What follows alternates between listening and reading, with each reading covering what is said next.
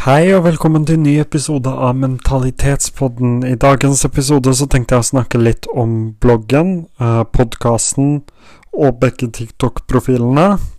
Og litt hva jeg har tenkt, hvordan jeg har tenkt, og hvor veien går videre. Så hvis det høres interessant ut, så kan vi bare hoppe rett inn i det.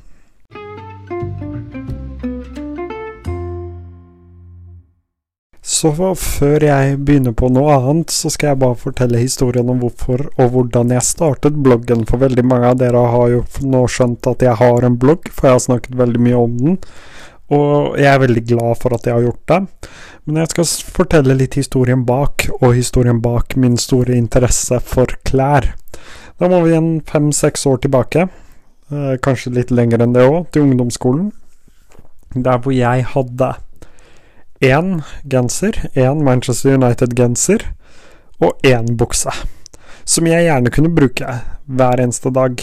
Uh, og når jeg først skifta, så tok jeg på meg det samme som jeg sovna i, tok jeg på meg på skolen dagen etterpå. Det høres forferdelig dumt ut, og det er utrolig flaut å snakke om, men jeg gjør det allikevel. Uh, jeg hadde på meg stort sett samme looken. En Manchester United-jakke, en hettegenser og en sånn joggebukse. Det var det jeg gikk med. Og da tenker jeg ikke på sånn joggebukse som i treningsbukse, jeg tenker på sånn daffebukse, sånn grå, svær joggebukseopplegg. Gjerne i merket Puma. Så du kan se det for deg, da. Eh, det var sånn jeg gikk på skolen hver eneste dag. Styla stort sett aldri håret. Uh, dusja sjeldnere enn jeg burde, for å være helt ærlig. Uh, og rett og slett tok ikke vare på meg selv. Og jeg var jo ung, så jeg kan jo bruke den unnskyldninga. Men så ble jeg litt mer voksen, og jo mer voksen jeg ble, spesielt den sommeren uh, fra tiende til første videregående, så hadde jeg en opplevelse der hvor noen ikke valgte å snakke mer med meg fordi jeg var utenlandsk, eller foreldrene nekta dem å snakke med meg fordi jeg var utenlandsk, og det gikk veldig inn på meg. Så jeg bestemte meg for at ingen skulle få muligheten til å se ned på meg igjen, bare ved å se på meg. Og jeg var fortsatt ung og frustrert og sur, uh, og jeg vet at det nødvendigvis ikke funker. Måten du kler deg på, uh, kan ikke få én eller to rasister til å slutte å være rasister. Men jeg har lært noe annet veldig viktig i løpet av den prosessen. For i starten så hadde jeg på meg pappa sine klær. Jeg så fortsatt ikke bra ut, det var ett hakk bedre, men ingen av klærne passet meg.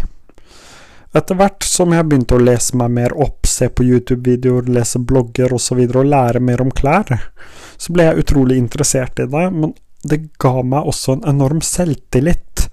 Jeg så meg selv i speilet og følte på at i dag så jeg faktisk veldig, veldig bra ut, og jeg var fornøyd med måten jeg så ut på. Og det var det som gjorde at interessen vokste så enormt mye større. På at jeg syns det var spennende og fascinerende hvordan ulike farger, ulike stofftyper, kunne gjøre at folk så på deg annerledes mer aggressiv, uh, søtere, snillere, mer um, troverdig. Alle de tingene er en del av det som heter fargepsykologi, som jeg fant veldig interessant. Men samme gjelder jo stoff. Stoff kan få deg til å virke mer uh, skummel, mystisk, snill, osv. Og det syns jeg i og for seg selv var interessant, men også historien bak hvert eneste plagg. F.eks. at en dress eller en blazer uh, egentlig er et militært uh, En militær uniform som senere ble en motegreie. Eller at jeans vanligvis var en arbeidsbukse for i gåseøynene gutta på gulvet. Uh, var en arbeidsbukse når du skulle bygge om huset, når du skulle snekre, uh, pusse sko osv. Og, nå har det blitt dagligdags i moteverden. Det syns jeg var veldig interessant. Men grunnen til at jeg valgte å starte en blogg, har også med psykisk helse å gjøre. For før jeg startet min første TikTok og podkasten, så hadde jeg ikke selvtilliten nok, selv om jeg visste jeg var flink i det, til å på en måte hoppe over det lille steget. Å hoppe i det, blir veldig riktig uttrykket. Jeg hadde ikke selvtillit nok til å gjøre det, men når jeg først klarte å uh, få så mange følgere på en podkast uh, og en TikTok der hvor jeg egentlig snakket om ting jeg ikke var så selvsikker på at jeg kunne. Jeg bare satte meg foran kamera og sa det første som falt meg inn. For jeg vet jeg kan mye mer om klær enn jeg kan om psykisk helse. Uh, men det ga meg den selvtilliten til å på en måte hoppe i det. Og samtidig så har jeg mange gode støttespillere med gode venner, og en, en, en spesielt god kjæreste som er utrolig støttende, og ga meg det lille ekstra for å faktisk gjøre det. Samtidig så har jeg også alltid syntes at markedsføring er interessant. Så interessant at jeg til og med har valgt å studere det òg. Um, og så jeg hoppa rett inn i det, hadde ikke peiling. Fikk opp nettsida, uh, og det går sakte, men sikkert oppover. Men grunnen til at jeg ville starte det, er ikke nødvendigvis bare fordi jeg syns klær er interessant, men fordi den følelsen jeg fikk, den selvtillitsboosten jeg får når jeg vet at jeg kler meg fint på grunn av det jeg har lært av andre, det gjør meg utrolig glad og gir meg en trygghet i hverdagen, bare basert på det jeg har på meg. Um, ikke nødvendigvis at klærne fikser min psykiske helse, men det gir meg en liten ekstra boost når jeg skal i et møte og vite at jeg ser bra ut, jeg ser profesjonell ut, og som jeg pleier å si, jeg liker alltid å være den best kledde i rommet. Det å vite med seg selv at du er en av de best kledde i rommet, det gir en selvtillit. Såpass ærlig skal jeg være, uten at jeg framstår altfor arrogant. Men jeg syns det er en god følelse, og jeg vil hjelpe andre med å få den følelsen av at det å ta vare på seg selv Alt fra For jeg har jo utviklet det fra kun klær til å nå interessere meg for å ta vare på klærne mine og um, ta vare på meg selv, stå opp tidlig, uh, legge meg tidlig, trene, hudpleie, alle sånne ting. Hårpleie. Jeg har begynt å ta vare på meg selv, og når du tar vare på deg selv, så føler du deg mer viktig. Det høres veldig dumt ut når det er gutt og sier det, men en sånn spahelg eller spakveld er en veldig god følelse. Treat yourself er uttrykket. Og når du gir deg selv noe godt, så føler du deg selv også mer verdifull. Um, og det er den delen jeg har lyst til å lære til andre, og så valgte jeg å ha det på engelsk, fordi jeg tror ikke det norske publikummet er stort nok til å på en måte få en stor moteblogg for herrer. Uh, mote- og livsstilsblogg, er det vel. Mm. Så jeg valgte å starte på engelsk. Engelsken min er ikke helt fantastisk, men det jo kommer seg jo etter hvert og strategien har jo på en måte vært at først så vurderte jeg å slutte med podkasten og den andre TikToken, men jeg klarte det egentlig ikke, for jeg syns også dette er utrolig gøy, og den Det er på en måte godt å kunne hjelpe andre på denne måten òg, og gi råd ut ifra egne erfaringer, og se at det fungerer for andre, det er også en veldig god følelse. Um, så jeg ville gjerne gjøre begge deler. Og da måtte jeg sette meg ned og lage en strategi, for uh, ingen bedrifter fungerer uten en strategi. Uh, så da så jeg litt på det som heter branding, uh, som jeg har hatt som et fag.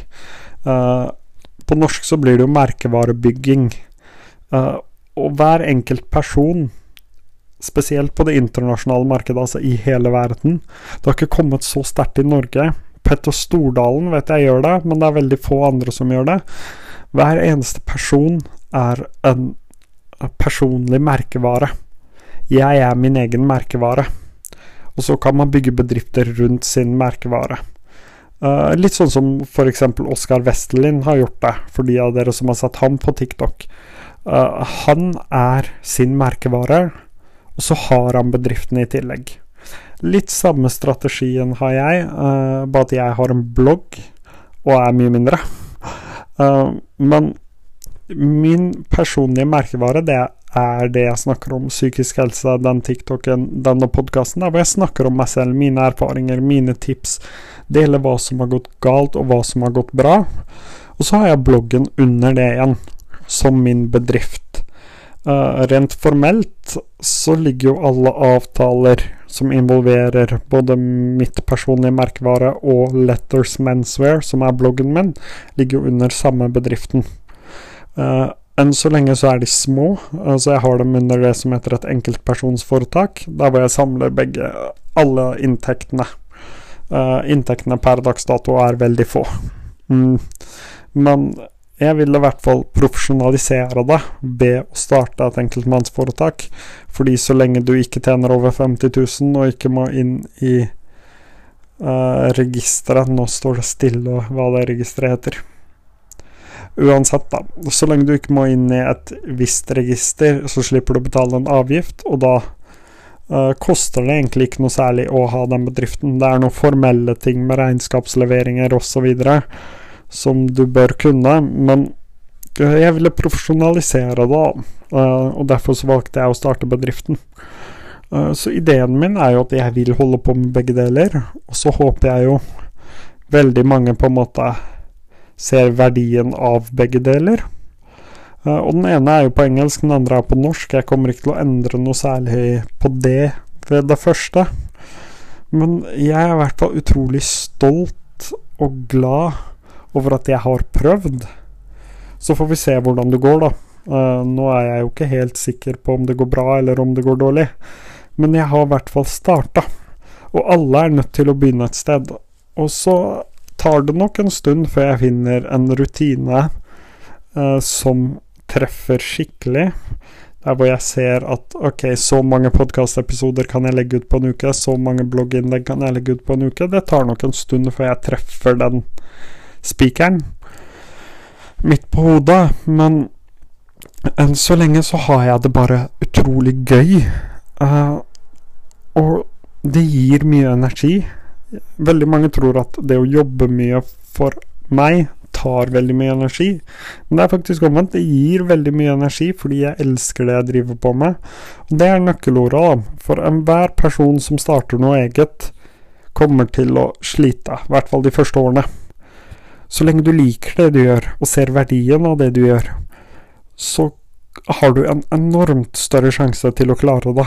Hvis du kun ser verdien av penger, så har du et problem. For det kommer ingen penger i starten. Mm. Jeg har vokst opp i en familie som har drevet bedrift i alle år.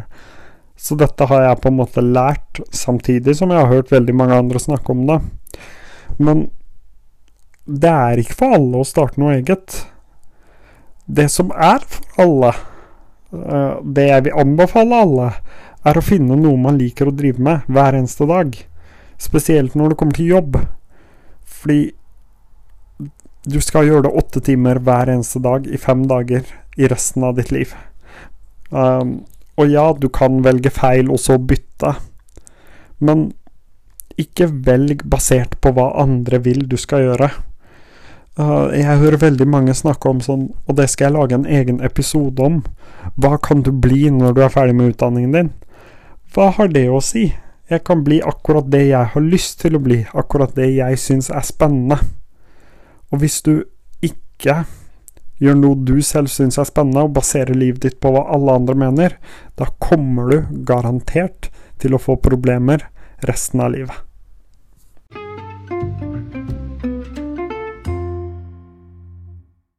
Tusen takk for at du hørte på dagens episode av Mentalitetspodden. I morgen kommer en ny episode om det med hva kan du bli etter at du er ferdig med utdanningen din. Uh, for det kommer jeg på akkurat nå. Det tror jeg hadde vært en veldig kul episode, uansett. Tusen takk for at du hørte på. Gjerne følg podkasten, gjerne del den med en venn, og gjerne følg meg på Instagram, og det er at mentalitetspodden. Og hvis du ikke har sjekka ut bloggen ennå, så gjerne sjekk den ut òg. Det er at lettersmenswear. L-E-T-T-E-R-S M-E-N S-W-E-A-R. Så høres vi nok snart igjen.